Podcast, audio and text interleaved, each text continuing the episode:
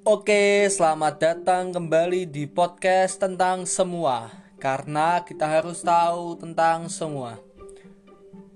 Kali ini kita akan membahas tentang sejarah bagaimana asal muasal suatu kota terbentuk, bagaimana penamaannya, kenapa kok sampai kota itu dinamakan dengan nama itu dan sejarahnya dari awal peradaban sampai saat ini.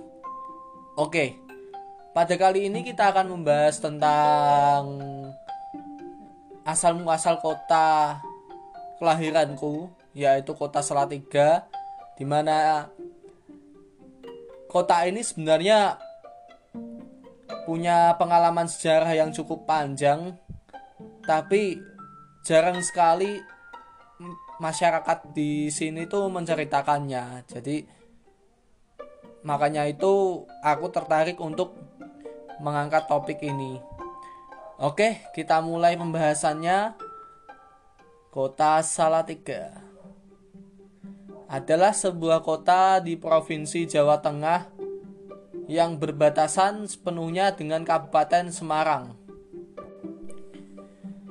Kota Salatiga ini terletak 49 km di sebelah selatan kota Semarang dan 52 km di sebelah utara kota Surakarta atau sering kita dengar Solo serta berada berada di jalan negara yang menghubungkan antara Semarang dengan Surakarta atau Solo. Nah, letaknya tuh strategis ya teman-teman. Jadi tengah-tengah kota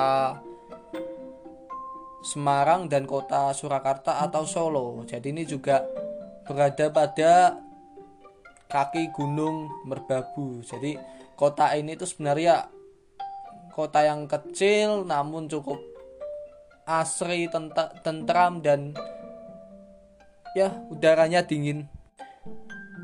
Oke, kita masuk bagian sejarahnya. Kenapa kok kota ini dinamakan Kota Salatiga? Nah, ternyata ada sejarahnya atau kisahnya. Dahulu kala di daerah pedalaman berkuasalah seorang bupati bernama Ki Ageng Pandan Arang atau disebut Pandanaran. Ki Ageng Pandanarang hanya memuaskan diri dengan kekayaannya dan memeras rakyat dengan menarik pajak yang berlebihan. Pada suatu hari, Ki Ageng Pandan Arang bertemu dengan Pak Tua. Dia profesinya adalah tukang rumput. Kemudian Ki Ageng meminta rumput yang Pak Tua bawa. Namun, Pak Tua menolaknya dengan alasan untuk ternaknya. Tetapi Ki Ageng tetap memintanya dan Ki Ageng menggantinya dengan sekeping uang. Tanpa diketahui Ki Ageng Pandanarang, Pak Tua menyelipkan kembali uang itu dalam tumpukan rumput yang akan dibawa. Dan hal tersebut terjadi berulang-ulang sampai suatu kali sang bupati menyadari perbuatan Pak Tua tersebut dan marahlah ia dan menganggap bahwa Pak Tua telah menghinanya. Pada saat itu, tiba-tiba Pak Tua berubah wujud menjadi Sunan Kalijaga. Jadi, ternyata Pak Tua ini adalah Sunan Kalijaga. Seorang pemimpin agama yang dihormati bahkan oleh raja-raja. Maka Bupati Pandanaran pun sujud menyembah dan memohon untuk memaafkan kekilafannya. Jadi Bupati ini ternyata segan juga dengan Sunan Kalijaga ya sampai sujud dan mohon maaf.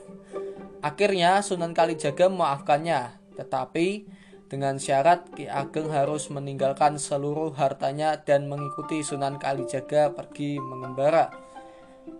Namun, istri bupati melanggar.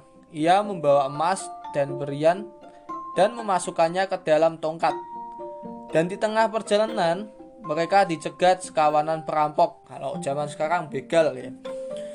Sunan Kalijaga menyuruh perampok itu untuk mengambil harta yang dibawa istri bupati. Dan akhirnya perampok itu pergi dan merebut tongkat yang berisi emas dan berian. Jadi cara sengaja Sunan Kalijaga meminta perampok itu untuk membawa harta istri bupati. Setelah perampok itu pergi, Sunan Kalijaga berkata kepada bupati dan istrinya tersebut, Aku akan menamakan tempat ini Salatiga karena kalian telah membuat tiga kesalahan. Pertama, kalian sangat kikir. Kedua, kalian sombong. Ketiga, kalian telah menyengsarakan rakyat. Semoga tempat ini menjadi tempat yang baik dan ramai nantinya. Nah, itu kenapa tempat ini dinamakan Salatiga? Karena dulu bupatinya melakukan tiga kesalahan. Jadi dinamakan kota Salatiga. Oke selanjutnya ada prasasti di kota Salatiga ini yang menjadi penanda terbentuknya kota Salatiga. Nah, prasasti ini dinamakan prasasti pelumpungan. Ini ceritanya ya. Pada masa Hindu Buddha, kerajaan Hindu Buddha kan waktu 750-an Masehi kan menguasai Indonesia ya, masih menguasai Indonesia. Nah, Salatiga telah menjadi daerah istimewa sebagaimana tertera dalam prasasti Pelumpungan atau prasasti Hampra kata lainnya Prasasti yang berangka tahun 672 Saka atau 750 Masehi ini ditulis dengan huruf Jawa kuno dan bahasa Sanskerta. Menurut Soekarto, Kartoat Mojo, Chandra Senkolo dalam prasasti Pelumpungan menunjuk hari Jumat atau Suk Raworo tanggal 31 Asada atau tanggal 24 Juli 750 Masehi. Tanggal tersebut merupakan peresmian Desa Hamra atau Pelumpungan menjadi daerah perdikan. Berdasarkan prasasti ini, hari jadi Salatiga ditetapkan pada tanggal 24 Juli 750 yang dilakukan dengan peraturan daerah tingkat 2 Kota Salatiga nomor 15 tanggal 20 Juli 1995 tentang hari jadi kota Salatiga. Prasasti Pelumpungan berisi ketetapan hukum tentang suatu tanah perdikan atau swatantera bagi desa Hamra di wilayah Trigramyama yang diberikan Raja Banu untuk kesejahteraan rakyatnya. Tanah berdikan dikenal pula dengan sebutan Sima. Tanah ini biasanya akan diberikan oleh para raja kepada daerah tertentu yang benar-benar berjasa kepada kerajaan atau secara sukarela mendirikan bangunan suci keagamaan. Biasanya ini bangunan suci ini candi ya kalau Hindu Buddha ya. Daerah tersebut selanjutnya menjadi daerah otonom yang dibebaskan dari pajak. Daerah Hamra yang diberi status sebagai daerah perdikan pada zaman pembuatan prasasti itu adalah daerah Salatiga saat ini. Untuk mengabadikan peristiwa itulah Raja Banu menulis dalam prasasti Pelumpungan kalimat Srir Astu Swasti Prajabya yang berarti Semoga bahagia, selamatlah rakyat sekalian. Melalui prasasti Pelumpungan, dapat diperkirakan bahwa daerah Salatiga dulu berada di bawah otoritas Kerajaan Mataram. Ini kerajaan tertua ya di Indo Indonesia, kerajaan tertua salah satunya. Di sisi lain, Raja Banu yang disebutkan dalam prasasti Pelumpungan belum dapat diketahui hubungannya dengan kerajaan Mataram. Tetapi para peneliti menyatakan bahwa seorang yang mendirikan bangunan suci merupakan seorang bangsawan. Informasi lain yang disampaikan melalui prasasti Pelumpungan menunjukkan adanya komunitas Buddha di Salatiga. Lebih dari itu, masyarakat Salatiga juga telah mengenal organisasi kemasyarakatan dalam bentuk kerajaan, meskipun wilayah Salatiga bukan merupakan pusat kerajaan. Nama Salatiga juga diperkirakan berasal dari perkembangan nama Dewi yang disebutkan dalam prasasti Plumpungan, yaitu Sida Dewi. Sida Dewi terkenal dengan nama Dewi Trisala. Nama Trisala kemudian dilestarikan di tempat Dewi ini dipuja. Lokasi tersebut dinamakan Trisala yang berdasarkan kaidah hukum bahasa bisa berbalik menjadi salah tri atau salah tiga. Itu merupakan uh, sejarah tentang prasasti pelumpungan. Kita masuk ke masa Hindia Belanda atau kolonialisme salah tiga.